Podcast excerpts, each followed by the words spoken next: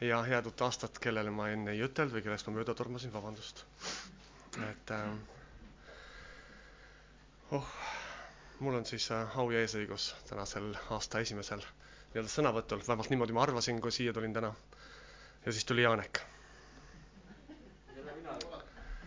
nagu alati, nagu tihti ja siis äh, noh, polnud midagi, vaikselt peas siin kalibreerisin, mõtlesin, noh, mingi kolmandik pool Janek rääkis juba ära no pole hullu, saame hakkama, et lähebki täna võib-olla noh, hea uudis, et äkki siis saab kiiremini koju juba. ja siis tuli Viivika. ja siis ma mõtlesin, et vist läheb veel kiiremini. ja siis keset tulistust hakkas Urmas rääkima palvetama. ja noh, sinna see kõik täna läinud ongi. aga sellest pole hullu midagi, eks siis äh, lähtume sellest, et äh, kordamine on tarkuse ema ja hakkame siis ainult kordama. et äh, millest mina täna tahtsin rääkida teile või mis on minul südames täna jagada, on äh, jah, nagu ma juba ütlesin, hästi palju nendest asjadest, mis räägitud on. Äh, mõtlesin ka mina vaadata tagasi eelmise aasta peale ja, ja, ja natukene ka võib-olla rääkida kahe tuhande kahekümne teise aasta ootustest ja, ja mõtetest või isegi eesmärkidest ja, ja kindlasti ka rääkimisest ja kuulamisest ja siis jälle Viivika siin räägib vaiki, vaiki olemisest ja ja siis ja loomulikult nagu ikka, mul on ka mõned küsimused ja siis muidugi jälle Urmas räägib sellest, et me oleme selleks, et muutuda, et äh, kolmekümne esimesel detsembril kaks tuhat kakskümmend kaks, kui me siin jälle oleme näiteks, et siis, siis võime tõesti öelda, et Jumal on meie keskel olnud, et me oleme muutunud tema ees.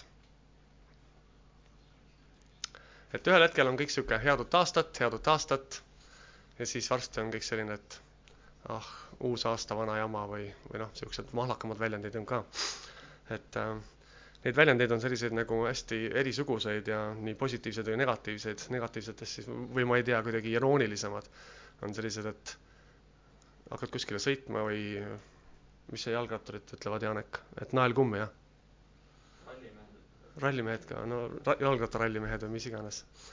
et nael kummi, et mõtlesin nende väljendite üle, et head uut aastat on nagu sihuke hea soov, siis on, siis on järgmine on, et uus aasta, kõik muu on vana või vana jama ja siis, äh, siis on see naelkumm ja siis on võib-olla veel mõned, et äh, kivikotti. kellele kivikotti öeldakse? miks öeldakse kivikotti? matkale, jahimehele või? ma ei tea, miks on, miks on niisugune väljend kivikotti, lähed nagu, peaks ju tahtma, et sa jood ikkagi tervete rehvidega kohale, mitte nael ei ole rehvis ja ehk siis vot siin ma kuidagi jõuangi, et nagu sihuke ebausk, et ja siis, kui noh, loodetavasti sul läheb hästi ja siis hakkad sülitama üle õla, et mulle nii meeldis see kindlustusfirma reklaam, et, et ähm, mees istub lahtise aknaga autos, ma loodan, et ma ei ole seda rääkinud, aga kui olen, siis äkki see vähemalt salvestunud kunagi ei ole. et siis äh, istub, istub niimoodi autos ja must kass jookseb üle tee. ja siis mees niimoodi armatuurlaua peale koputab kolm korda ja siis niimoodi lahtisena aken ja sülitab niimoodi hoogsalt välja aknast ja kõrval istub Harley Davidsonist suur tätoveeritud mees niimoodi ja sülitab talle otse õla peale, et noh, jah, et kas see nagu tasus ära või ei tasunud ebaõnn. aga jah, need on need ebauskumused või noh, nagu pastor Heigogi just ütles, et siis nii-öelda vastupidised soovid. et ma ei tea, kas siis nüüd koroona juures või eriti paslik, võib-olla on see ka vanem, et arsti juurde lähed, siis ütled, no selge, süstal puruks või, või süstal katki või ma ei tea, mida võiks siis ütelda, süstal pooleks või, et äh, no see on ka järjekordne, ei tohib, aga koos pudeliga mis pudeliga, eks no.. lastešampus, eks ju, noh, et ja selliseid asju on nagu hästi-hästi palju. noh, kas ei tohi enam soovida peale kuuendat või see kuidagi ongi juba, kuule lõpeta ära, ma olen juba väsinud sellest head uut aastat, et aitab küll, eks. eile me abikaasaga tegime sihukest äh, väikest jalutuskäiku ja ikka enamus, noh, ma ei tea, kas enamused, aga ikkagi noh, fifty-fifty, fifty-sixty, ma ei tea, tõstsid ikka silmad üles ja head uut aastat ja aga mõni läks küll niimoodi noh, täitsa pilk maas ja ei, ei, ei pannud tähelegi, et nagu kui kuuendal ja seitsmendal jaanuaril ikka teed oma kõndimisringi, aga keegi kogu aeg ütleb sulle, siis võib-olla jah. aga mulle meeldib küll inimesi muidu teretada ja natuke naeratada ikkagi, et äh, viisakas on. aga, ja siis on veel muidugi siuksed huvitavad ütlused nagu äh, Murphy seadused, et noh äh,, väidetavalt küll Murphy oli, olevat ainult üks, ühe seaduse ütlejad, kõik teised on tema ümber nagu liidetud juurde ja see vist olevat olnud see, et kui midagi saab valesti minna, et siis ta ka läheb, aga, aga noh, see on sihuke vaieldav teema tõenäoliselt. või äh, minu sihuke absoluutne mittelemmik on, et äh, ükski heategu ei jää karistamata. olete kuulnud? olete kogenud?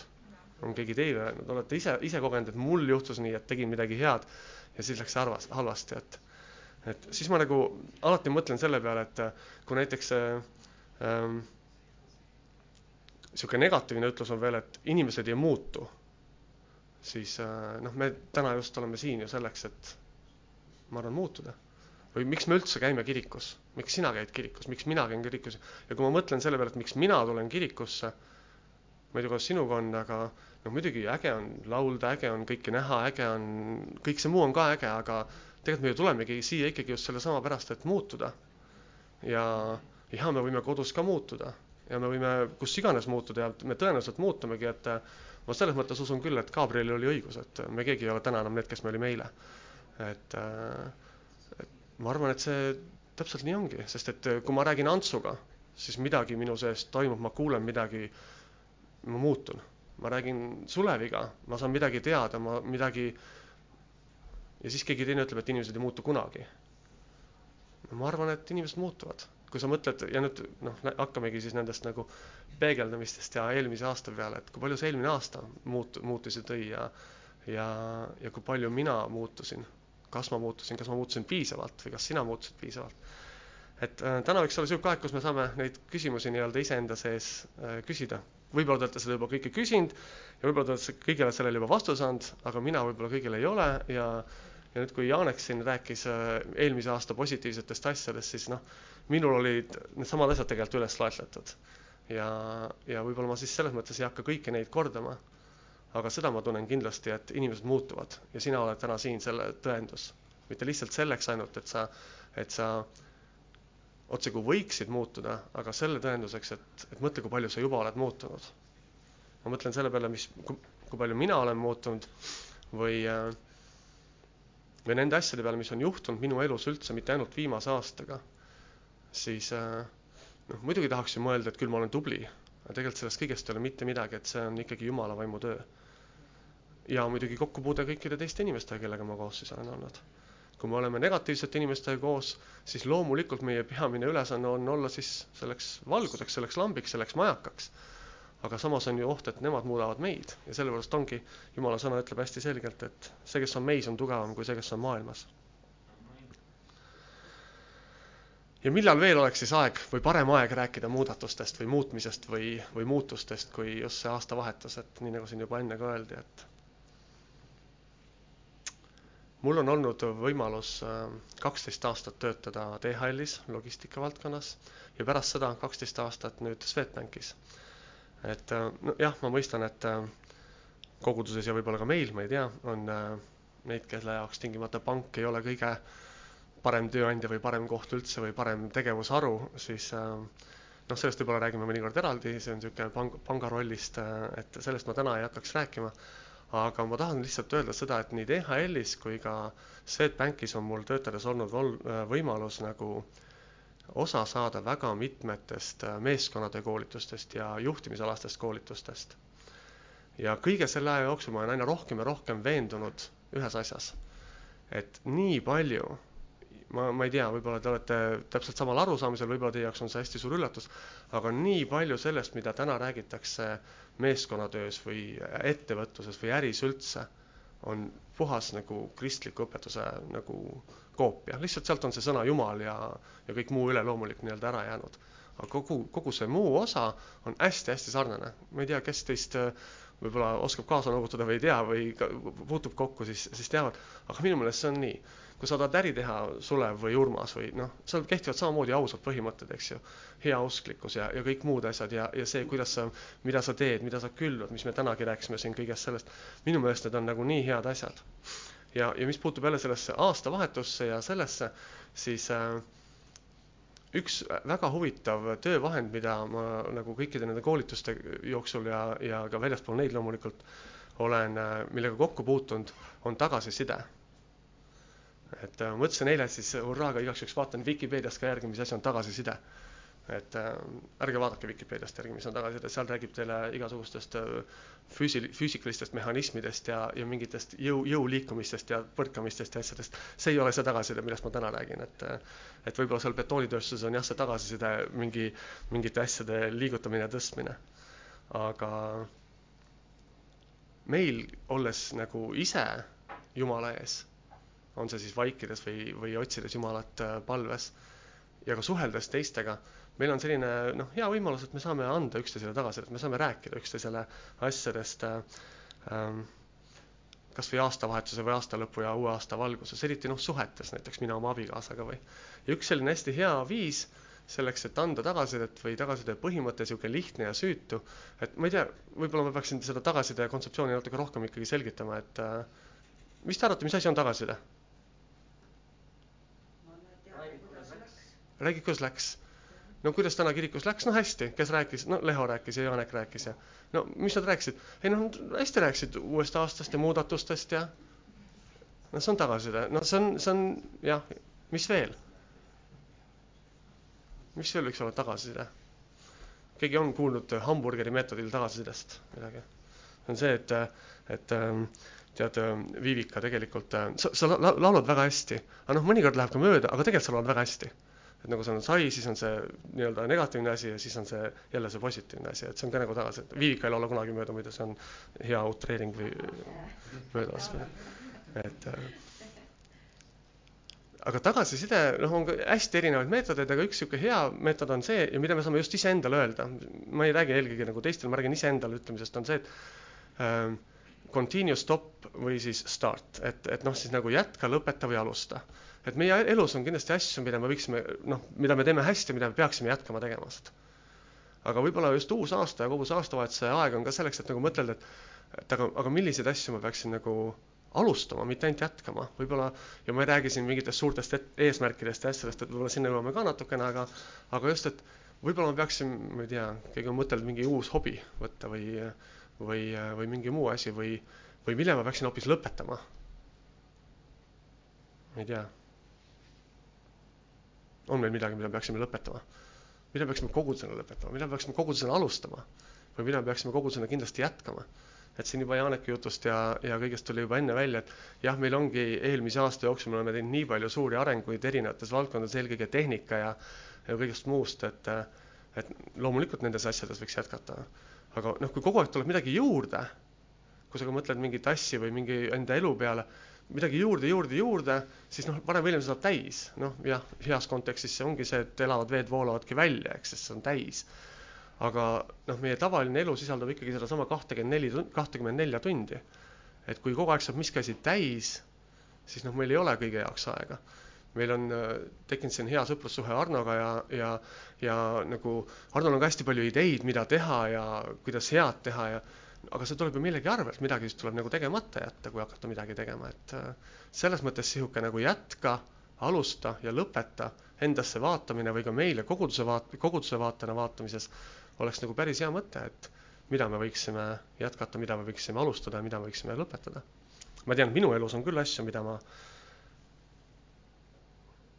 ma ei tea, kas võiksin lõpetada või vähem teha või ma olen ju tohutult äh, armastan võrkpalli ja siis äh, kunagi ammu Janek rääkis siin ka, et kui te leiate mingi hea raamatu, et tulge seda jagage siin meile, tutvustage seda meile ja me noh, et on see siis nagu tõsi kristlik raamat või võib-olla ka mingi muu, mis mingil moel kõnetas, siis ma kohe mõtlesin, et peaks tooma võrkpallireeglid siia tulema ja rääkima võrkpallireeglitest, see on, see on nii, võrkpall on lihtsalt niivõrd võrratu ja äge, et see on, see on niisugune minu asi. noh, kas ma peaksin nüüd sellega rohkem tegelema või vähem tegelema, ma ei tea, aga fakt on see, et meil kõigil on kakskümmend neli tundi ööpäevas ja kõik tuleb millegi arvelt et noh, mingeid asju me võime oma elus alustada, mingeid asju me võib-olla peame ka selle võrra vähem tegema või lõpetada ja mingid asjad on meil kindlasti head. noh, üks asi hea, mida kindlasti jätkata, on ju, ärge jätke maha oma koguduse kooskäimisi, et see on ka hästi oluline asi. ja kui sa vaatad meid juba video vahendusel, mis on siis peaaegu et üle kahe aasta varsti, varsti hakkab kolmas aasta jooksma, et siis mõnikord võib-olla on ikkagi hea siia koha peale ka tulla, kui vähegi võimalik, et et äkki tunneme, et mõned teised inimesed sind ka ära, keda sina oled kõik see aeg näinud video vahendusel aga võib-olla, kes sind ei ole näinud juba väga-väga ammu. vot, aga nüüd kaks tuhat kakskümmend üks kordaminekutest, et äh, noh, jah, koguduse omadest Janek juba hästi palju rääkis, mina ise mõtlesin enda peale, siis ma mõtlesin, et äh, on tõesti nagu hästi nagu huvitav aasta olnud teist aastat järjest. ma olen kodukontoris olnud ähm,. Ei mõju tervisele kõige paremini, sest et äh, köök on liiga lähedal, uks lukus ei käi, et äh, jah, et mul on selles mõttes arenguruume, ehk siis mida jätkata, mida mitte ja mida alustada või lõpetada. Ähm, aga, aga muidu tööalaselt ja kõik on nagu väga hästi läinud, äh, võib-olla seal uus auto ja igasugused erinevad asjad, mida, mille eest nagu olla tõesti tänulik Jumalale. noh, ma loodan, et sinu elus on ka olnud ikkagi väga palju asju, mille eest noh, kui sa niimoodi järgi hakkad mõtlema ja võib-olla sa tõesti oled juba hästi palju mõelda, aga ma arvan, et küll küllale liiga ei tee, et meil on nii palju põhjusi, mille eest tänulikud olla. Et äh, jah, kui Vivika siin äh, nagu laulmise ajal äh, rääkis ja palvetas juurde ja selgitas, siis mina ka alati mõtlen, et needsamad ülistuslaulud, mida me siin laulame, et noh, igast sellest laulust võib võtta selle siia ette panna ja lihtsalt teha ühe jutluse, sellepärast et see on nii, see on niivõrd noh, me räägime Jumala sõnast ja räägime psalmidest ja räägime Taaveti lauludest kui lauludest, et noh, see on Jumala sõna. tegelikult needsamad ülistuslaulud meil on täpselt samamoodi, need on Jumala sõnad, need on need asjad, mida me otse kui kuulutame nagu Jumalale, samas Jumal teab seda kõike ja see on meile endale. see on minule endale ja see on meile endale. ja, ja noh, jah, muidugi seda autopiloodi asja tuleb ka kindlasti hästi, hästi jälgida, et mul on täpselt sama tunne, et sama äratundmine, et et mõnikord on äh, nii, et äh, järsku avastad endast, et ma lihtsalt kordan neid sõnu ja siis jälle kainestad, et Jumal, ma olen siin, siin selleks, et sind ülistada ja selleks, et muutuda sinu palge ees. Jeesus muutus Jumala palge ees, Mooses muutus Jumala palge ees meie saame muutuda Jumala palge ees, sest et äh, teist kohta tõenäoliselt, kus me nii efektiivselt ja nii hästi muutuksime, noh, ei ole, et nagu ma räägin, ma võin seal, ma olen tõesti väga õnnelik viimase aastaga näiteks kas või võrkpalliplatsil, ma olen, julgen öelda, et ma olen arenenud võib-olla rohkem kui varasem, varem, aga, aga, aga see ei ole nagu see areng, mis, äh, kuidas Paulus ütleb, et ihulikust harjutusest on vähe kasu. mitte ei ole kasu, aga on vähem kasu, et vähe kasu, et äh, sellest on nagu rohkem ja meil on nagu nii äge, et noh, jah, ka võib-olla, mis veel on kirikus siin nii ägedamaks ja, ja aina kasvab ja, ja ka täna äh, niimoodi eksprompt on ikkagi see, et äh, meil on ülis, ülistus nagu nii äh, noh, mitmekesistunud või tulnud juurde tegijaid ja noh, tänu Urmasele ja Markusele ja ja kes meil siin kõik veel on, et see on lihtsalt äh, nii fantastiline, mis Kaire teeb, mis Viivika teeb ja ja kõik need asjaajamised ja, ja meil on siin ju uusi inimesi, kes on tulnud ja ülistanud ja see lihtsalt on nii võimas, mida Jumal teeb meie eludes. oled sa minuga nõus? ja siis on jah, nagu ka võib-olla Janek ütles, meil on siin uusi inimesi Alfast, eks ju, Tarmo on meil jälle täna külas Lembitu vahest ja äh, Arno loomulikult ja, ja varasematest samamoodi, et meil on nii palju, mille eest olla tänulik Jumalale. Kes on tulnud tänavalt, kes on tulnud teisest kogudusest, kes on tulnud Alfast, kes on tulnud sõprusringkonnast ja võib-olla kes vaatab samamoodi kust iganes allikatest, et, et need on, need on, see on äge ja mul oli täpselt sama mõte, et jõulupidu oli meil kindlasti minu meelest äh, suurepärane ja sügav kummardus veel kord ka minu poolt kõigile, kes on seal asjaosalised, lisaks Urmasele ja, ja Riinale, kes tohutult palju vaeva nägi ja organiseeris ja, ja väiksed nähtamatud kardinalid, kellest me võib-olla ei teagi, et kes, kui palju seal olid siis. Aga kaks tuhat kakskümmend üks aastast, noh, on tore vaadata tagasi nagu häid asju, aga samas on ju meil ka ikkagi mingeid ebaõnnestumisi olnud. ma ei tea, võib-olla ainult minul siis, teil võib-olla ei ole, aga või on, läks kellelgi veel mõni asi nihu natukene kaks tuhat kakskümmend üks, lisaks minu sellele avatud köögile? et no avatud köök on liiga lähedal selles mõttes, noh, kehakaalule ei mõju hästi köök, et kui ma mõtlen, äh, ma kuulasin ühte koolitust hästi huvitavat äh, kõrvaklappidest metsas olles ja ja seal rääkis ka nagu erinevatest variantidest ja siis ma hakkasin mõtlema, ma, olen juba nüüd seitsmendat aastat BMW autojuht vist, eks siis seitsmes vist on nii enam-vähem. Ähm, ja, ja mul, mulle mõnes mõttes nagu meeldivad lühendid ja, ja see lühend on ka nagu päris hea, et BM, BMW või BMW, et niisugune äh, ingliskeelne term-, noh, nagu kolmiksõna saab kokku panna, et äh, best, medium ja worst, et äh, nagu parim, keskmine ja siis halvim.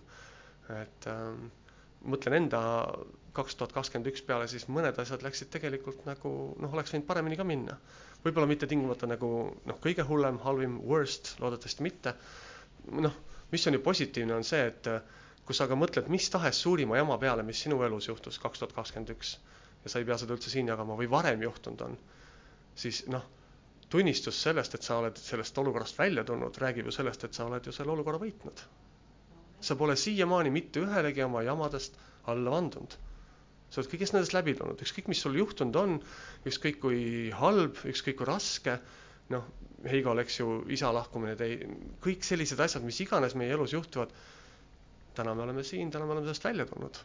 ja, ja noh, ma ei taha kaugeltki seda, ma ei ole nagu seda usku, et kõik, mis ei tapa, teeb tugevamaks. võib-olla sa oled selles veendunud, mina ei ole selles veendunud.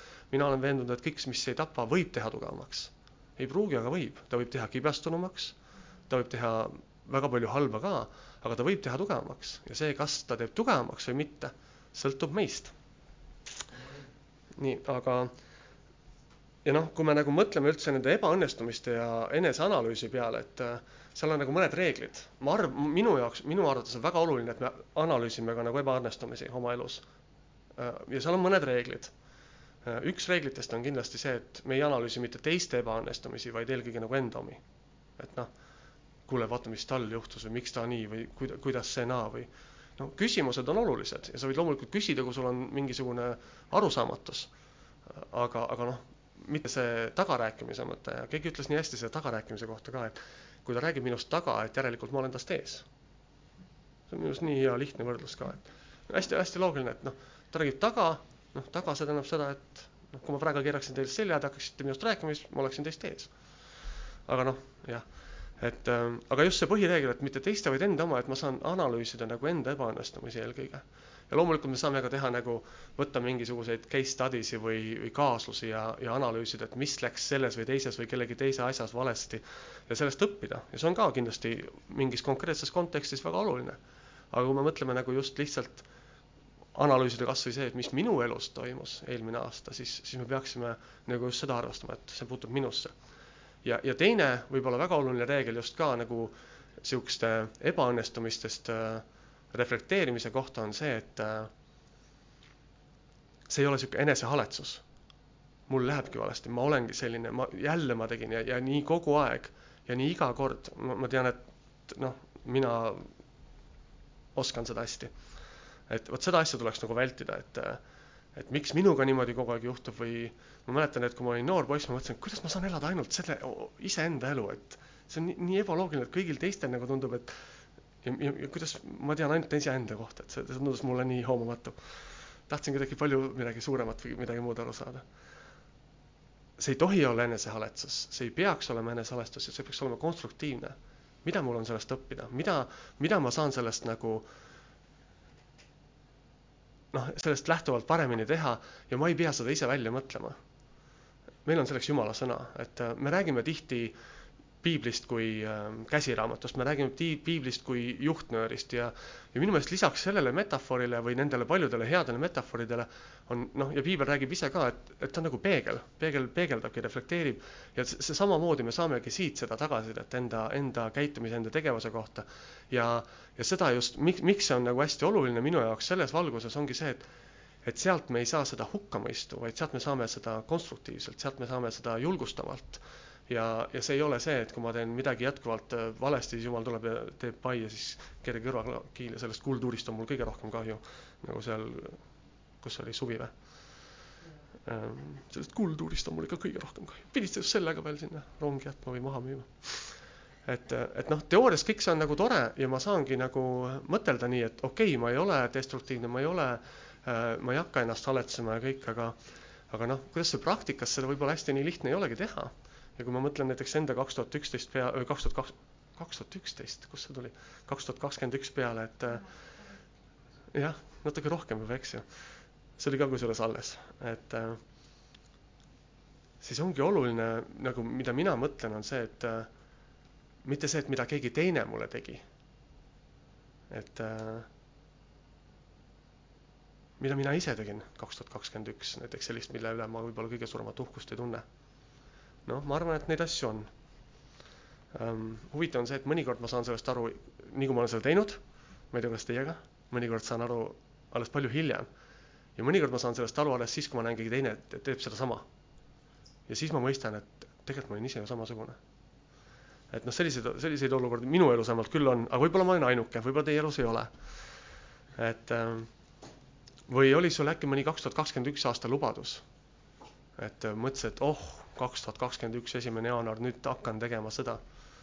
ja siis äh,, aga läks natukene teistmoodi, ei jõudnud või ei saanud või, või äh, tahtsid näiteks, ma ei tea, me rääkisime siin ka rahaasjadest ja, ja, ja muidugi no Viivika jälle tuli ja luges selle teise Korintuse üheksandast peatükist ja, ja noh, võib-olla sinna me jõuame ka ja aga võib-olla võt-, mõtlesid, et näed, siin Leo rääkis kaks tuhat kakskümmend aastal millalgi nendest kümnistest ja asjadest, et oh, ma nüüd hakkan ka ja siis jõudsid äkki sellisesse kohta, et aga ikkagi ei saanud nii palju või ei õnnestunud või ei, no ei tulnud kuidagi välja ja ja siis nagu tegid ennast selle tõttu maha või arvasid, et nüüd ei ole kõik hästi. see ei ole, see ei ole, see ei ole nii. jumal armastab sind nagu jumal teab väga hästi, mis, mis kõige selle taga on, et äh, tema ei näita sulle jumala sõna valguses seda, et sa astusid nagu tõsisesse ämbrisse, vaid ta näitab sulle, jaa, sa tegid vigu, aga tule sellest välja, et noh, täna on uus päev, nagu meil see enne just oli, et see on nüüd uus algus või võib-olla jah, toimuski su elus mingeid negatiivseid sündmusi. või, äh, või mitu korda sa alustasid lauset, ma peaksin ütlema, mitu korda alustasin mina küll lauset, et äh, noh, ma ei taha midagi halvasti öelda, aga on, on teil mõnikord alanud lause selline? Noh, kui me nüüd räägime sellest asjast, siis et jaa, see on õnne, õige jah, seal on see Õnne kolmeteistkümnes on vist seesama küll jah, see, sealt tuleb ka see. ja loomulikult tulebki asju öelda ja mõnikord tuleb ka halvasti öelda, aga konstruktiivselt saab ka öelda asju, mis muidu on halvad. et, et võib-olla noh, sellised nagu peegeldused enda eludest. Ja võib-olla ka kogudusest, aga mis meil koguduses nagu oleks võinud veel paremini minna. Janek rääkis enne nagu kordaminekutest, siis võib-olla ma nagu suunan natukene seda valgust ka võib-olla asjadele, mis äkki on meil nagu mitte ainult hästi ja saab veel paremini, aga võib-olla ei olnud nii hästi ja saab paremini, et äh, ma ei tea, noh, võib-olla te nõustute ja ma ei räägi siin absoluutselt pastoritest ma räägin meist kui kogudusest või mõtlen vähemalt, kui ma neid mõtteid kirja panin enda jaoks, siis ma mõtlesin meist kui kogudusest. et äh, kas see, kes siia tuleb esimest korda või uus inimene tuleb siia, kas tema tunneb ennast alati siin hästi, kas ta tunneb ennast siin osana perekonnast, noh, selle kõige paremas mõttes. et äh, ma mäletan, et ükskord oli küll, me olime, meil oli teenistus, me ajasime kõik oma asja, teenistus lõppes, ma nägin, üks naisterahvas oli siin ja enne kui me jõudsin, milliseid teemasid me koguduses oleme käsitlenud, kas siis ala või üle kas meil on mingeid teemasid, noh. võib-olla sa kuulad ja vaatad seda kaamera vahendusel või siin ja iga kord, kui keegi mainib kümnist, võib-olla see on sinu jaoks nagu sihuke nii hell teema ja sa mõtled, et me oleme sellest üle rääkinud, no ma ei tea, ma ikkagi julgen arvata, et me ei ole tegelikult sellest üle rääkinud ja ma ei hakka kaitsma ega ründama, aga noh, jällegi mõttekoht, mis teemasid me oleme nagu alakäsitlenud, kas on mingeid teemasid, mida sa tunned, et me ei ole piisavalt käsitlenud? Või võib-olla palve või? palveteema, miks mitte? Et noh, neid teemasid on. Ja me saame muidugi jällegi, me oleme kogudus, me oleme üks perekond, me saame alati seda nagu tagasisidet anda, ütelda, et mulle tundub, et me võiksime või ma tahaksin rääkida valvest. et äh, me võime seda alati teha ja, ja, ja seda tegelikult äh, ma saan aru, et see on niisugune nagu mõnes mõttes hambapesu jutt ja nii Janek kui Heigo mõlemad ütlevad, et alati nagu tehkem seda, ütelgem. aga seda tõenäoliselt tulebki nagu raiuda, raiuda nii kaua, et me seda tõesti mõistame, et meil on see võimalus, meil on see eesõigus ja me saame neid asju ütelda, mida me noh, kus me näeme, et on vaja midagi ütelda, et, et seda kindlasti me ei tohiks vaigistada ja me ei tohiks kindlasti nendes asjades nagu noh, lihtsalt käega lüüa. sest kui meie seda märkasime, noh, suur tõenäosus on, et keegi teine märkab ka ja jällegi, seda saab teha niivõrd ülesehitavalt, konstruktiivselt ja julgustavalt, et sellest on kasu. mitte see, et ah, seal oli see halvasti, sinna ma enam ei lähe, seda ma enam ei taha, teda, ah, tema ütles seda, teda, seda ma enam kuulata ei taha. noh, et äh, see on, kõik on meie suhtumises. et äh, Maie küsis mult enne, et millest ma täna rääkida tahan, siis ma, siis ma ütlesingi, et, et võib-olla kokkuvõtvalt ütlekski seda, et, et meie käes on nii palju. meie käes kui kristlastena, isikuna meie käes kui kogudusena, meie käes kui perekonnana, meie käes kui jumala lastena on tegelikult nii palju lisaks sellele samale jumala sõnale ähm,, tema vaim, tema lubadused, kõik, kõik see, see on, see on meie kätte antud.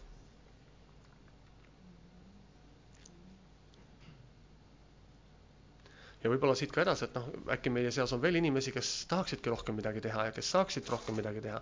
kuidas neid tuvastada, kuidas neid äh, pannagi tegema neid asju, milles nad on äh, suurepärased, milles meil koguduses ongi vaja, et seda on nagu nii hästi, nii imeline vaadata, kuidas Urmas on meie kirikusse, kogudusse integreerunud ja ma mäletan esimesi kordi võib-olla või ei, mitte esimest, aga esimesi kordi, kui Urmas tuli, siis, siis äh, mingil hetkel me jäime jutustama, ta ütles, et oi, teil on nii äge, nii nagu perekondlik õhkkond, et et, et noh, tundsid ennast siin hästi ja, ja see on lihtsalt nii äge ja imeline vaadata, kuidas ja mida sa kõike siin meil nagu oled käima lükanud. ei noh, jah, mis sa nüüd mina, ei mitte see on äge, tänu Jumalale sellest, tänu Jumalale sinu eest, tänu Jumalale igaühe eest, sest meil kõigil on nagu nii oluline roll. ja me ei väsi seda jälle kordamast ja kordamast selle üle, et, et kes koristab toole või kes seab toidulauda või kes teeb lastetööd. terviseks. Et kõik need asjad on väga ägedad ja imelised ja need on väga olulised koguduse töö osast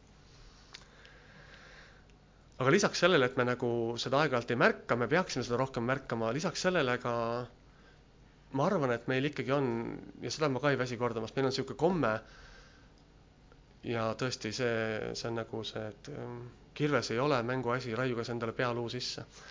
et äh, teiste üle me mõistame kohut nende tegude järgi või hindame nende tegude järgi, aga iseennast hindame oma kavatsuste järgi et äh, las see vajub sulle südamesse, las see jõuab sulle kohale, et äh, ma näen äh, ja vahest, kui ma räägin inimestega ka meie koguduses, noh, rääkimata väljaspool, ma, ma usun, et see on koht, kus me ikkagi aeg-ajalt eksime. ma ei tea, võib-olla sa oled seda kuulnud seitse korda, sedasama lauset, mina olen seda kuulnud seitseteist korda, ise ütled seda välja võib-olla seitse korda ja ma tean, et ma ise eksin selle kohta vastu samamoodi, olen ma siis liikluses kuskil, olen ma siis mingis vestluses kellegagi ja ma tunnen, et ma ikkagi teen seda et ma hindan teda tema tegude või sõnade järgi, aga ise, kui mul midagi valesti või ebaõnnestub, ma, ma ju tean, et ma tegelikult ei tahtnud midagi halba. ja me, me teeme seda aeg-ajalt. aga aeg lendab nii täna siin kui, kui ka üldse. mõtlesin, et see on võib-olla minu isiklik probleem, ma loodan, et pastoritel sellist probleemi ei ole ja teistel lugupeetud jutlustajatel, aga minul on küll selline kompleks, et ma nagu ei taha ennast väga palju siin korrata. Ja ometi ma avastan jälle, et ma teen seda ja tihti ma nagu äh, kui ma ka mõtlen äh, mingite teenistuste ja jutluste peale, siis ma otsekui noh, jumal nagu õhutabki ikkagi mind rääkima mingeid konkreetseid asju, et tuleb siia Hannes, tema räägib oma kutsumisest ja valikust ja ja keegi teine räägib oma teemadest, Kuno räägib eesmärkidest ja asjadest, mis mulle on ka väga südamelähedased ja ja kõik asjad. ja siis mina räägin võib-olla siin, ma ei tea, kümnistest ja, ja asjadest ja siis vaatasin äh, järgi, et äh, ja mul oli niisugune tunne, et ma alles hiljuti rääkisin sellest tänust. kas te võib-olla mäletate, ma rääkisin nagu tõsiselt tegime niisuguse Äh, tänuteemalise nagu piibli läbi maratoni, et raiusin, ma ei tea, kolmkümmend neli või mis iganes kirja kohta tänulikkusest ja tänust. ja mul oli endal niisugune tunne, et see oli alles. millal see oli, mäletate? ma vaatasin järgi, see oli kaks ja pool aastat tagasi. et noh, täitsa lõpp, kuidas aeg lendab selles mõttes, et ja, ja ma, ma olen, ma tean, et pärast seda mingil hetkel Ants rääkis tänust ja, ja kindlasti on siin veel räägitud tänust ja noh, et ka, et kas see on nagu kuidagi üle räägitud teema juba ja siis ma mõtlen, et absoluutselt mitte, et see on, see on meie noh, see on nii elementaarne ja nii oluline osa ja ma arvan, et see ka eh, noh, ma ei tea, kui, kui põhjalikult ta eristab, aga ma, ma arvan, et ta eristab nagu tõesti noh, tohutult palju eristab meid võib-olla ka teistest religioonidest, et ma ei tea, kui palju on muhamedlased tänulikud või palju nad selles elavad, selles tänulikkuses või kuidas nad seda väljendavadki, eks ju. kogu aeg nad kummardavad küll, eks ju, ja, ja kõik see või krishnaistidel või, või budistidel või nudist, mitte nudistidel äh,, no kasvõi nemad, no ükskõik mis istidel, et kui palju, aga noh, see on üks asi, mida me kristluses, see on nii lahutamatu osa, tänulikkus jällegi noh, korraks mõtleme tagasi kaks tuhat kakskümmend üks ja, ja ettevaatavalt kaks tuhat kakskümmend kaks peale, aga meil on ju nii, nii palju olla, ma tahaks kinni haarata ja raputada, öelda, et meil on nii palju, mille eest olla tänulik ja see on, see on nii võimas. Ehm, ja nüüd me siis hakkame kordama, sellepärast et Viivika luges juba ette teise Korintuse üheksas peatükk. ja, ja Viivika luges selle salmi samamoodi üheteistkümnenda salmi teiste hulgas nõnda, et te saades rikkaks kõige poolest, võiksite helde südamega teha kõike head, mis meie läbi valmistab tänu Jumalale. et noh, jällegi, kui me räägime eesmärkidest kaks tuhat kakskümmend üks või kaks tuhat kakskümmend kaks nüüd, siis, siis ütlen ausalt, et selle kirja kohta, öelge, mis, mis me vaatame? Äh, see on äh, teise Korintuse üheksa üksteist. et äh, kahes tõlkes on nagu jah, see on nüüd see teine tõlge siis äh,, mul on siis äh, vist see ja ei, ei las ta olla, see on okei okay,, sest tegelikult selles mõttes on, nad on, see on nii huvitav, et ühes, ühes tõlkes on nii, et, äh, lause nagu algab eelmises salmis ja lõpeb selle salmiga, teises tõlkes on nii, et la, lause algab selle salmiga ja lõpeb järgmise salmiga. et ma võib-olla ja selleks, et enda jaoks natuke kuidagi paremini mõista, ma võtsin ja vaatasin äh, uut rahvusvahelist versiooni või New International Versionit ja kui ma sealt tõlgin, siis ma saan niimoodi, et äh, te saate rikastatud igal moel või te saate rikkaks, noh, enriched, te saate rikkaks või rikastatud igal moel nii, et te saate olla helded ja ma korraks võib-olla pausin lihtsalt, et mina ei tahaks üldse keskenduda täna selles osas ainult nagu rahale, mitte ainult nagu rahale, pigem üldse mitte rahale. pigem siin ütleb, te saate rikastatud igal moel. Kuigi see eelmised salmid räägivad nagu andmisest ja toetamisest ja ohvriannist, siis tegelikult ta siin ütleb, te saate rikastatud või rikkaks igal moel, nii et te saate olla helded, noh, generous, helded või lahked äh, igas olukorras. ja et teie heldus põhjustab meie läbi tänu andmise või tänu Jumalale. et see on nagu nii kihvt, et see, mis me teeme, see põhjustab tänu Jumalale, minu jaoks ütleb see kirjakoht mõnes mõttes nagu seda. Et mitte see, mis me anname, on nagu tänu Jumalale, mitte see, mis me ütleme, ei ole ka lihtsalt tänu Jumalale, see kõik on ka, aga see, mis me teeme, see omakorda lihtsalt põhjustabki tänu Jumalale. teine kirjakoht ütleb seda, et, et nad teie häid tegusid, noh, kurjadest räägib seal vist, et teie häid tegusid nähes nad annaksid au Jumalale.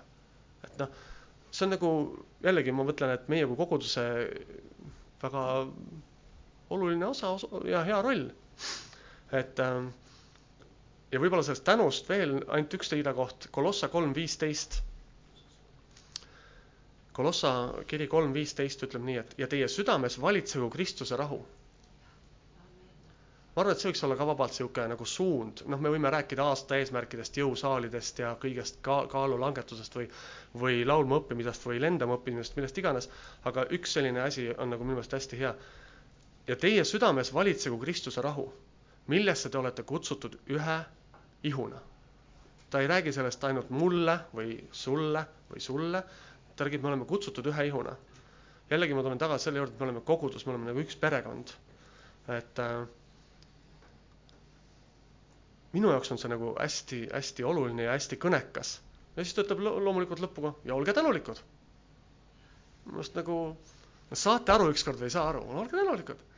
ja noh, siin ei ole jälle see, et kui, et äh, kas klaas on pooltühi või pooltäis või kui kõik läheb halvasti, et ole ikka tänulik, et noh, tee ikka pai, et näed, sul on väga raske aasta, et noh, ole ikka tänulik. kindlasti see on ka õige, aga see ei ole nagu mingi ühekordne lihtsalt lause või sihuke hetk, vaid see on ikkagi see, et kui me oleme koguduse osa, kui sina tahad olla koguduse osa,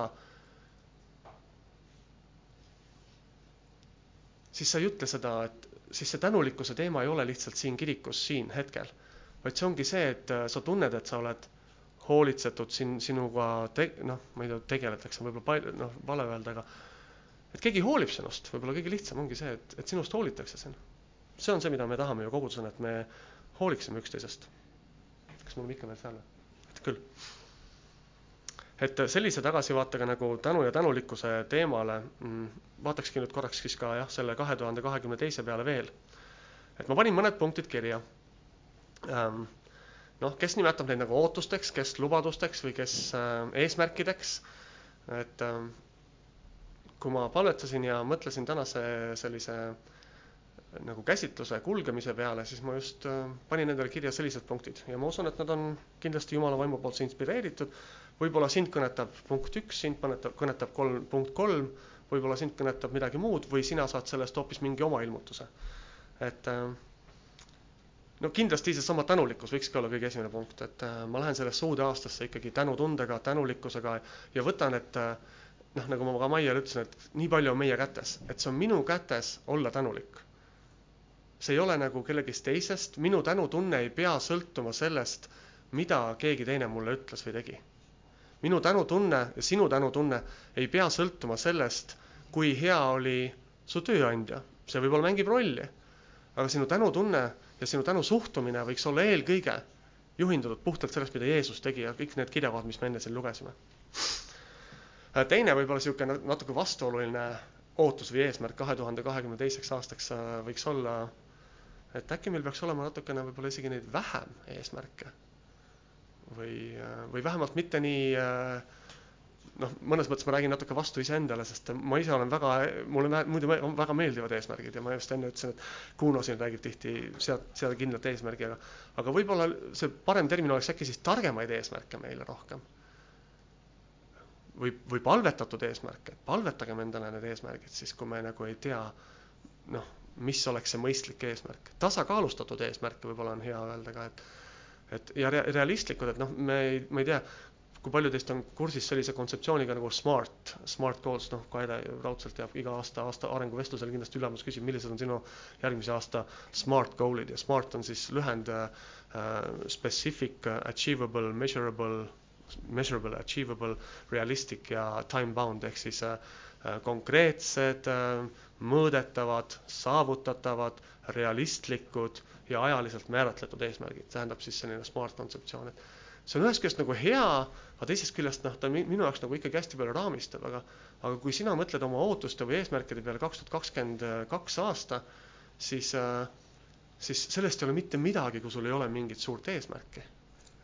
oluline on see, et sa otsid Jumalat selles ja küsidki Jumala käest, et Jumal, mida sa tahad, et ma võib-olla siis pean sel aastal tegema teistmoodi, võib-olla siis pean sel aastal jätkama, võib-olla siis pean sel aastal alustama. Et selle võib ära panna, sealt ei ole vist rohkem mul midagi et selles mõttes ma arvan, et see on nagu niisugune hea väike korraks niisugune kalibreerimine, et äh, Fredi kindlasti, tema töötab vist, oligi, ma õigesti mäletan, Schenkeris, eks temal, temal on ka need äh, äh, eesmärkide seadmine kindlasti nagu väga, väga oluline ja konkreetne teema.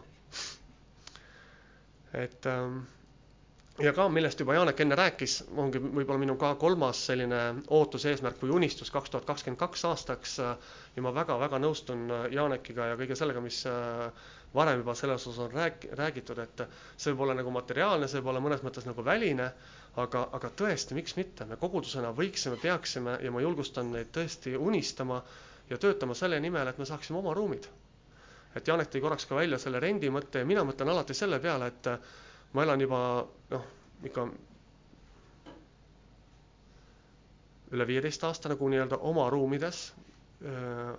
kõigepealt siis korteris, milles, mida me algul rentisime ühe teise kristlase käest ja saime hästi mõistliku hinnaga.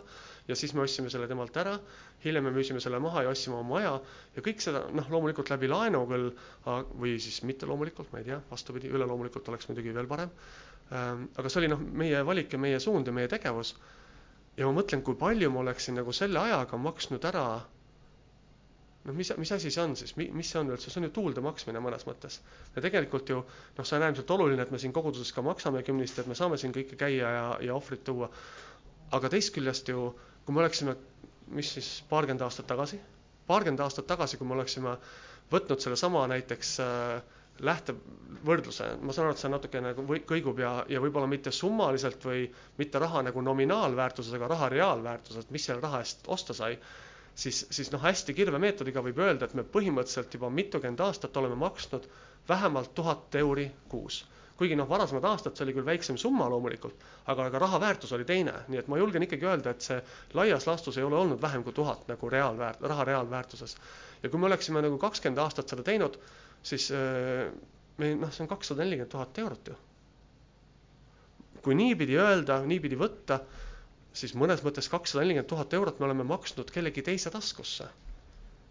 kellegi ärimehe taskusse või kellegi rentide väljarentija taskusse, eks. et noh, mõnes mõttes nagu ma natukene võib-olla võimendan, aga just tahtlikult võimendangi seda, et et me, me harjume ära, me oleme harjunud, et me tuleme kirikusse, me harjume ära, et me saame hakkama me saame rahaliselt hakkama, et Janek tõi välja selle, et meil on kirikuna rahaliselt läinud paremini kui varem. ja see teeb meid mõnes mõttes rõõmsaks, aga see peaks meid tegema mõnes mõttes ka nagu noh, kasvatama meie usku, meie nälga ja jänu selle järgi, et tegelikult on võimalik veel paremini. et me saime hakkama ka kümme aastat tagasi rentides ruume, me saime hakkama Suur-Ameerikas, need, kes olid veel enne Suur-Ameerikat matkamajas, Janeki kogudus, mis see teie oli, jah, et kus sealsamas lauluväljaku all kuskil Oru hotellis, et noh, tõenäoliselt ka läks mingi raha, et, et noh, me oleme tegelikult maksnud nii palju kellegi teise äri edendamisse. noh, jah, võib ka vaadata, peabki vaatama positiivselt, see on ju õnnistuseks neile olnud ja nii edasi. aga samas meil kirikuna tegelikult äh, on võimalus võib-olla ka seda kuidagi paremini kanaliseerida ja suunata, et me miks mitte ei võiks hakata palvetama, ma ei tea, paneme seina peale selle pildi, mustvalge pildi kogudusest äh, ja siis on seal need eelarvenumbrid kõrval, et kui palju meil on vaja raha ja siis hakkame sealt neid alt neid triipe tõmbama, et kui palju me oleme saavutanud sellest ja kui, kui värviliseks lõpuks meie kirik siis joonistub. ma ei tea, saate enam-vähem aru, mis ma ette kujutan või noh, kui palju siis meil seda raha koos on või kui palju meil on vaja, et üldse teha neid äh, esimesi samme kas me saaksime leida noh, investorit, kas me saaksime ähm,, ma saan aru, et MTÜ-l ei ole kaugeltki nii äh, kerge laenu saada või nii lihtne laenu saada, mitte kerge, lihtne, kui seda on, ütleme, omale kodu ostes lihtsalt.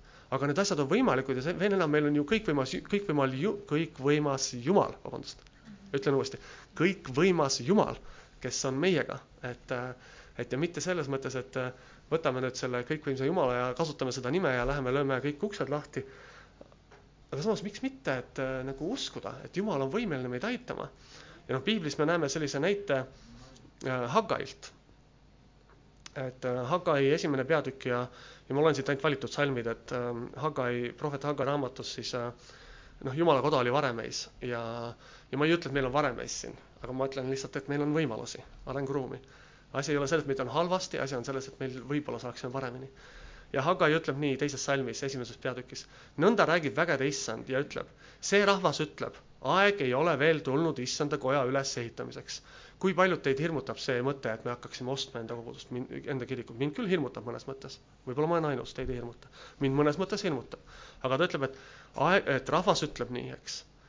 ja siis äh, Hagai üks, kaks oli see esimene salm praegu, mis ma loen ja nüüd me lähme Hagai üks, neli ja ta ütleb, on teil endil aega istuda oma vooderdatud kodades? noh, täpselt see, mis mina teen, istun oma vooderdatud kojas, eks ole. kui see koda on varemeis või noh, kui kogudus käib siis rendiruumides, et noh, mõnes mõttes, kui ma nagu parafraseerin selle tänapäeva konteksti, siis võiks ju seda kirjakohta lugeda, et et on teil aega iseendale, ma ei tea, siis võtta laenuga korter või osta korter, aga jumala korterid, aga jumala koda peab siis olema nagu nii-öelda rendiruumi, rendipinna peal mitte, et rendipind oleks halb, rendipind võib olla ka väga hea. küsimus lihtsalt see, et kas seda on mõtet nagu teha niivõrd piga, äh, pikalt. lihtsalt niisugune küsimus. on teil endil aega istuda oma vooderdatud kodades, kui see koda on varemeis? ja nüüd ütleb vägede issand nõnda ja see läheb natukene ka kokku selle samaga, mida luges äh, Viivika sealt teise Korintuse üheksandast peatükist, need salmid, mida mina ei lugenud. Pange tähele oma teguviisi noh, jällegi ma ei ütle, et see käib absoluutselt meie kohta ja täpselt nii on, et äh, nüüd on asjad halvasti. aga ta ütleb lihtsalt nii, Hagai ütleb sellele rahvale seal, nii. ja kogu piibel on meile kirja pandud õpetuseks, eeskujuks. pange tähele oma teguviisi, te külvate palju, aga saate pisut, sööte, aga kõht ei saa täis. teate, ma ütlen teile, minul on küll vahest niisugune tunne. ma söön, aga ei, okei okay,, võib-olla kõht saab täis, aga isu on ikka. aga võib-olla see on ainult minu probleem joote, aga janu ei kao mm,. seda muret mul vist eriti ei ole. riietute, aga ei saa sooja ähm,. seda muret mul kindlasti ei ole. ja kes teenib palgalisena, teenib katkisesse kukrusse. et noh, võib-olla mõni asi käis sinu kohta, võib-olla mõni asi ei käi, võib-olla sa ei samastu üldse sellega, võib-olla sa mõtled, et hmm, aga miks mitte. võib-olla tõesti see, noh, viies salm ütleb, pange tähele oma teguviisi, et äh, kui palju jääb sul üle, kui palju on sul ühte, teist ja kolmandat ja neljandat ja nii edasi, et et võib-olla ka meile kogudusena ikkagi tegelikult see võiks olla niisugune usupingutus, ususamm ja usu nagu vähemalt äh, noh, ma ei ütle proovimine, aga, aga noh, proovile panek teisisõnu võib olla ka, miks mitte. et äh, oma koguduse ruumid, meil oleks äh, kordades vähem äh, sehkeldusi erinevate asjadega ja meil oleks kordades rohkem usku vaja praktiseerida, aga sehkeldusi võib-olla oleks kordades vähem ja et kui sa võtled, võrdled seda tõesti kõige tavalisemat korterirenti või, või mis iganes, siis me tegelikult jõuame ikkagi üsna nagu hirmuäratavalt äh, suurte numbriteni, nagu ma ütlesin, seesama kahekümne aasta mõte lihtsalt kas või selles kontekstis äh, kahesaja neljakümnest tuhandest eurost äh, mind paneks küll nagu väga mõtlema, et äh, võib-olla, võib-olla oleks, võib-olla saaks kuidagi teha teistmoodi. et ma vähemalt arvan, et see on usukoht või palvekoht või mõtlemise koht ja, ja noh, loomulikult ma ei pretendeeri, et mina olen selle ala tõsine spetsialist ja tean kõike ja oskan need asjad ise ära lahendada. aga see oli siis niisugune kolmas mõte eesmärgile, et äh, neljas punkt.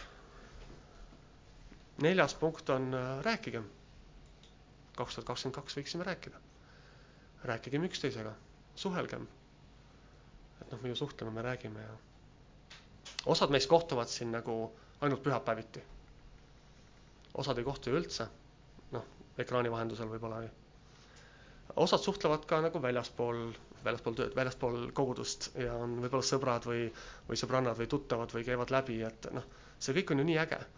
et kui me mõtleme, kus kohas maailmas me leiame veel usaldusväärsemaid inimesi kui kirikus. ja kui me nii ei mõtle, siis meil on nagu veel suurem arenguruum. mitte sellepärast, et me nii ei mõtle, vaid kui see ei vastaks tõele mina julgen arvata, et meil tegelikult ju kogudus on täis usaldusväärseid äh, inimesi, vendi-õdesi, potentsiaalseid sõpru, et kui sa tunned, et sa oled üksik, siis see on sinu valik, et sa tunned, et sa oled üksik. aga kui sa ei taha, et see tunne jätkuks, pöördu kellegi poole. hakka, hakka millestki pihta. tõenäoliselt ei ole nii, et me lõpetame nüüd täna, ütleme mina aamen ja siis pärast saame kõik suurteks südamesõpradeks. nii nagu me kunagi varem olnud ei ole. et noh, tõenäoliselt niimoodi ei juhtu aga et need sammud, mida me teha saame, need on meie enda käes. jumal ei võta minul kratist kinni ja ei vii mind ise viikingi juurde ja jutt, et viik-, räägi nüüd kõik ära viikingile, ära lihtsalt küsi viikingi käest, kuidas tal läheb. jumal ei tee mulle nii. küll aga jumal paneb seda meile kõigile südamesse. ja kui ta sulle seda ilmutust veel andnud ei ole, siis äkki praegu minu läbi nagu on, leiad, et hmm, võib-olla ma tõesti võiksin minna ja rääkida kellegiga, kellega ma mitte ainult iga kord muidu ei räägi ma tean, et see on minu jaoks täpselt samasugune väljakutse, et noh, rääkigem üksteisega, suhelgem rohkem. et ja ma ei ütle samamoodi, et me peame olema nagu kõik omavahel ristivõikid, täielikult parimad sõbrad ja, ja kõik on ainult halleluuja lill ja nii edasi, et noh, seda tõenäoliselt ka ei juhtu ja see ei peagi olema nii. aga just see, et kui sa tunned selles nagu, et, et ma tunnen ennast nagu üksikuna või, või kui sa näed, et keegi teine võib tunda ennast üksikuna, astu juurde räägi, küsi, kuidas läheb. me teeme seda, ausõna, me teeme seda ja sa võib-olla mõtled, et Leo, millest sa räägid, ma ju kogu aeg nii teengi. ja võib-olla sellepärast, et sina kogu aeg nii teed, sellepärast ma seda räägingi, sest et ma olen näinud, et see toimib. aga võib-olla kõik ei tee, kõik ei näe, kõigi jaoks ei toimi. meil on selles osas arenguruumi. jällegi, need, kes on ainult kaamera taga meid vaatavad natukene raskemas olukorras, seetõttu julgustan jälle, vahest tasub ikkagi kohale tulla. meil siin ei ole koroona levikut, meil on siin kogudus täis maskidega inimesi. et tule ikka on erandeid, on arusaadavusi, kõik on võimalik ja kõik on mõistetav. nagu Janek enne ütles, meie ei jutlusta siin kirikus mitte vaktsineerimist ja vaktsineerimise vastasust, vaid äh, me jutlustame Jumala sõna. ja me jutlustame seda, mida Jumal räägib. et äh, nojah, võiks öelda, et näed, piiblis koroonat ei mainita järelikult, aga okei okay,, see ei ole see. jah, olles siin kirikus ja nagu Kristuse ihus, me tõesti võiksime jagada üksteisega rohkem kui ainult seda, et kuidas sul läheb hästi me võime siin jagada ka seda, et äh, tead, mul on mure, mul on probleemid, mul on äh, millegagi raske, et äkki sa palvetad mu eest, äkki sa aitad mind või äkki sa toetad. ma ei tea, see võib olla ju kasvõi see, et äkki sa laenad raha, ah mis ära hakka nüüd rahast.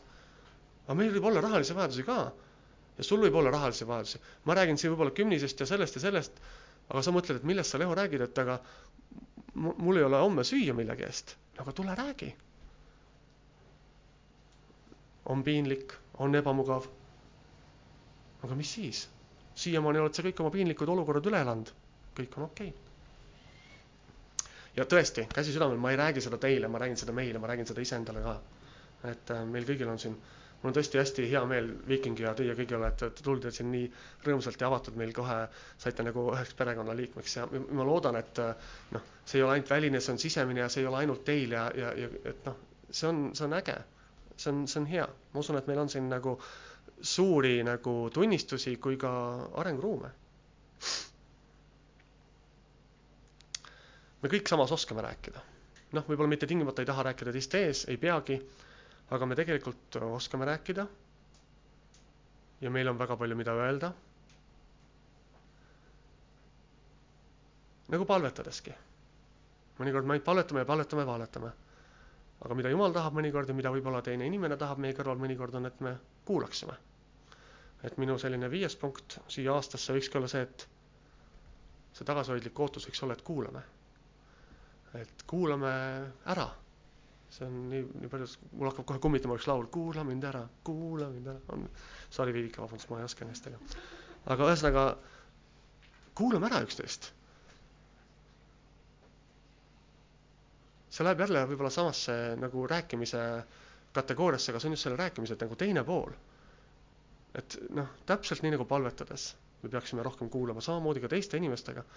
ma tean, et mul oli üks ülemus DHL-is, kes noh, super ülemus ja ma olen, ma arvan, et ta mõjutas minu elu nagu tohutult palju positiivses mõttes ja ja mis, see, et ma läksin ülikooli, see, et ma lõpetasin ülikooli, see, et ma hiljem, mis edasi juhtus ja kõik aga, aga nii kihvt oli see, et kui me olime juhtkonna koosolekul ja midagi rääkisime ja keegi ütles midagi, siis mhmh, mhmh, mhmh, mhmh. ja siis sa saad aru, et ta ei kuula, vaid ta ootab seda korda, millal tema saab rääkida.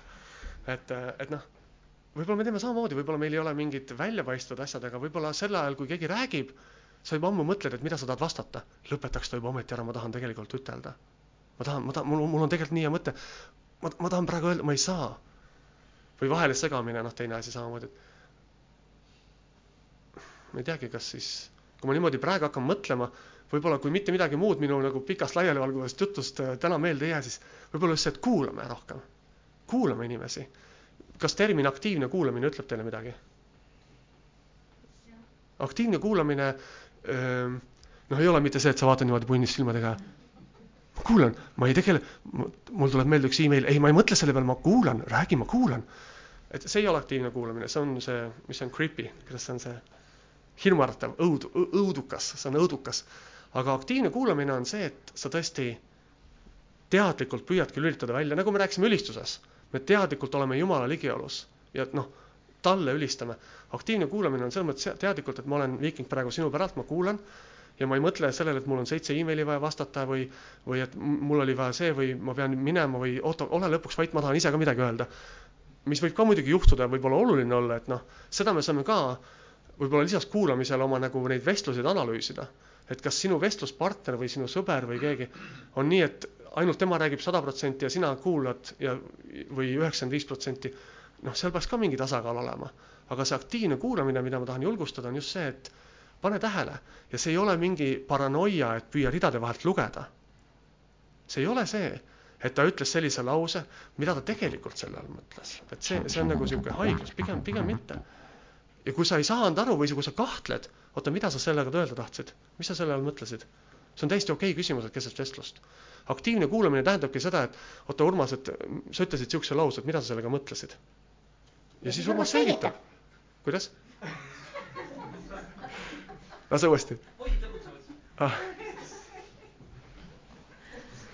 et, ähm, et, et üks, üks, üks, ahah, ma hakkasin praegu, mis juhtus? kõik kuulavad nüüd hoolega see on äh, Urmase hinnangul kõik hakkasid magama ja ma ei saa äratus üles. et see, kui sa vestled ja kui sa arvad midagi järeldavat, no me teeme seda tegelikult nagu mõlemit pidi. me, me, me ei ole mõtete lugejad või kes on mõtete lugejad, tõstku käsi. on siin mõni mõtete lugeja? Et noh, see ütlus on küll äh, noh, niisugune ka šovinistlik, et mul ei ole Google'it vaja, et mu naine teab kõike, eks aga, aga tegelikult abikaasad ei ole mõtete lugejad üksteisel. me ei loe üksteise mõtteid ja me arvame seda tegelikult kahtepidi. me arvame seda sedapidi, et kui mina ütlen Antsule midagi ja mis iganes ma talle tegelikult ütlen, et Ants saab aru seda, mida ma mõtlen. Ants ei pruugi aru saada seda, mida ma mõtlen, Ants saab aru seda, mida ma ütlen.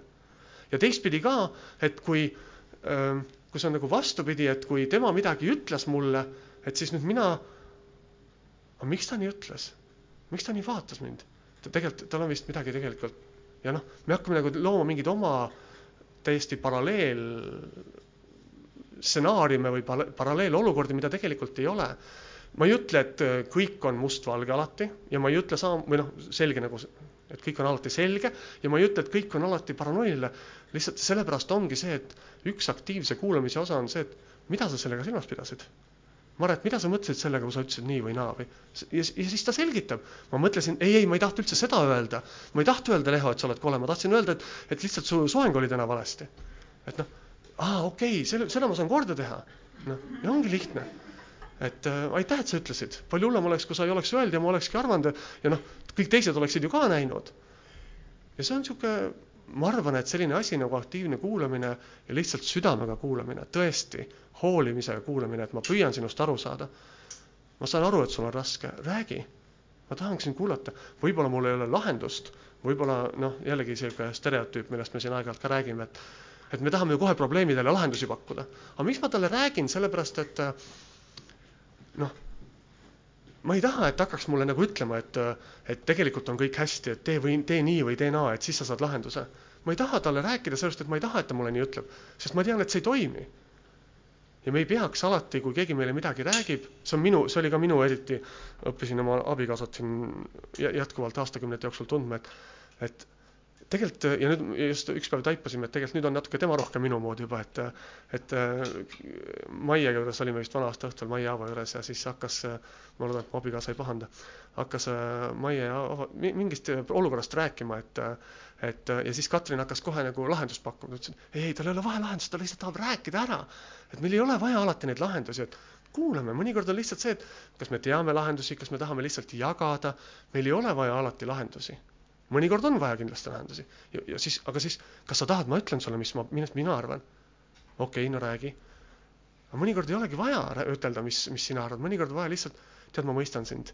ma ei, ma ei ole seda kogenud, aga ma, ma täitsa, mul on hea ettekujutusvõime, ma mõistan sind, ma mõistan, et sul on praegu nii või naa. see kuulamine selles mõttes on minu jaoks nagu hästi ja ma arvan, et ma loodan, jah, kui abikaasa tuleks siia, ütleks teile, et ma loodan, et ta kinnitaks, ma pärast küsin ta käest kas, kas ma olen selles osas paremaks saanud või? ma loodan, et ma olen vähemalt, ma ise arvan, et ma olen. et ähm, mõnikord see ei olegi nii lihtne. et see tegelikult on ju noh, kui sa mõtled, on sul olnud olukordi, kus sind ei kuulata ära või sa ei saa rääkida ära? tegelikult ei jää pärast seda head tunnet sisse. sa võib-olla tunned, et sind ei austata, sinust ei peeta lugu, eks. et äh, või ei võeta tõsiselt lihtsalt. või et sa ajad pada või et äh, noh, lihtsalt ei usu ah ära hakka või kuidas inglise keeles, get out of here, ei ole võimalik. et noh, see on nagu naljaga öeldud, aga tegelikult need olukorrad meile teevad haiget, kui me tunneme, et meid ei kuulata ära või kui me, kui me ei saa rääkida ära, mis meil, mis meil vaevab. ja siis noh, eriti suhetes, ah ei midagi, mis on, ah ei midagi. ja siis, kui lõpuks plahvatab, eks ju, kui lõpuks üle keeb, siis tuleb sihukese ämbriga. Kairel ja Janekil kindlasti ei ole selliseid olukordi ja Evel Heigol ka, aga ma tean, et minu lastevanematel on küll vahest selliseid olukordi olnud. ja Rooma kaksteist kümme ütleb näiteks seevastu, et venna armastuses olge üksteise vastu hellad, vastastikuses austuses jõudke üksteisest ette. mina noh, kui ma mõtlesin nagu sellesama kuulamise peale, siis minu jaoks see seondub nagu hästi palju respektiga.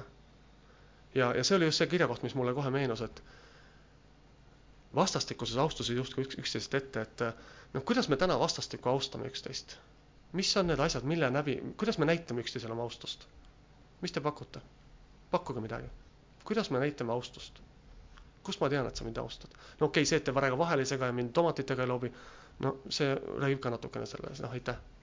aga mis veel? kuidas me teame, et me austame üksteist? aa, nii palju häid varstused kohe, jah? no üks, üks variant on minu meelest absoluutselt kuulamine. noh, mitte ainus kindlasti, mitte võib-olla, ma, ma ei ütle ka, et see on kõige-kõige olulisem, alati kui keegi hakkab rääkima, et mingi asi on kõige, siis mul tekib kohe selline allergiline reaktsioon, et kõige. et noh, aga ja ma ei tea, mina ütlen lihtsalt seda, et kuulamine minu meelest on tohutu relv. see on tohutult relv ja minu meelest on see nagu ära, alakasutatud relv. meil on tohutult äh, suur võimekus ja potentsiaal kasutamata potentsiaal selle üle, no selle läbi, kui me kuulaksime rohkem. me saaksime palju rohkem teistest inimestest aru, me saaksime palju rohkem teisi inimesi võib-olla ka aidata ja võib-olla mitte midagi muud kui lihtsalt toetada ja võib-olla veel nagu tagasihoidlikum samm, me ei saa, me ei peakski hukka mõistma. me teeme omad järeldused, kui me ei kuula, me teeme omad järeldused, kui me ei tea. kõik meie aju on noh, võib-olla siin äkki Ilmar tuleb millalgi, räägib rohkem täpsemalt, detailsemalt, aga meie ajus samamoodi noh, tühja kohta selles mõttes ei ole. et kui meil on mingi pilt infost ja meil seda infot sealt seest ei ole, siis me ise loome selle info. me ei pruugi seda infot kaugelt lugeda õigesti, äh, luua õigesti, luua objektiivselt, luua nii, nagu see on. me loome selle pildi oma filtri kaudu, oma arusaamise kaudu. noh, alates sellest kasvõi, et äh, pärast teenistust Vivika ja Kaira hakkavad midagi omavahel rääkima, ma mõtlen kohe, et nad hakkasid kohe niimoodi rääkima, nad räägivad kindlasti minust, neile kindlasti ei meeldinud. ja no ja nii edasi ja nii edasi noh, see on mingi nõme näide, loodetavasti piisavalt nõme, et äh, kõik saavad aru, et see ei ole nagu äh, et mul ei ole mitte midagi selle vastu, kui pärast teenistust Vivika ja Kaira hakkavad omavahel rääkima. ausõna ei ole. Ma ei tea, hakkab, tegelikult aitab küll vist tänaseks. muidu võiks ju veel rääkida, aga, aga ma arvan, et need, need, nendest viiest punktist siis, mis ma niimoodi välja tõin oma ootustelt võib-olla või ettepanekust ka nagu kogudusele lihtsalt, et ärgem unustagem seda tänulikkust. ma arvan, et see on nagu hästi-hästi oluline. eesmärgid, niisugused, ütleme tasakaalus, et mõistlikud. et ei ole vaja tingimata alustada esimesest jaanuarist spordisaalis ja, ja, või jõusaalis ja öelda, et kõik on kohe, teen kõik trennid ära. rääkigem, rääkigem, rääkigem ja kuulakem, on võib-olla need minu soovitused ja kuulakem üksteist ära. jumal õnnistagu teid ja ilusat uut aastat!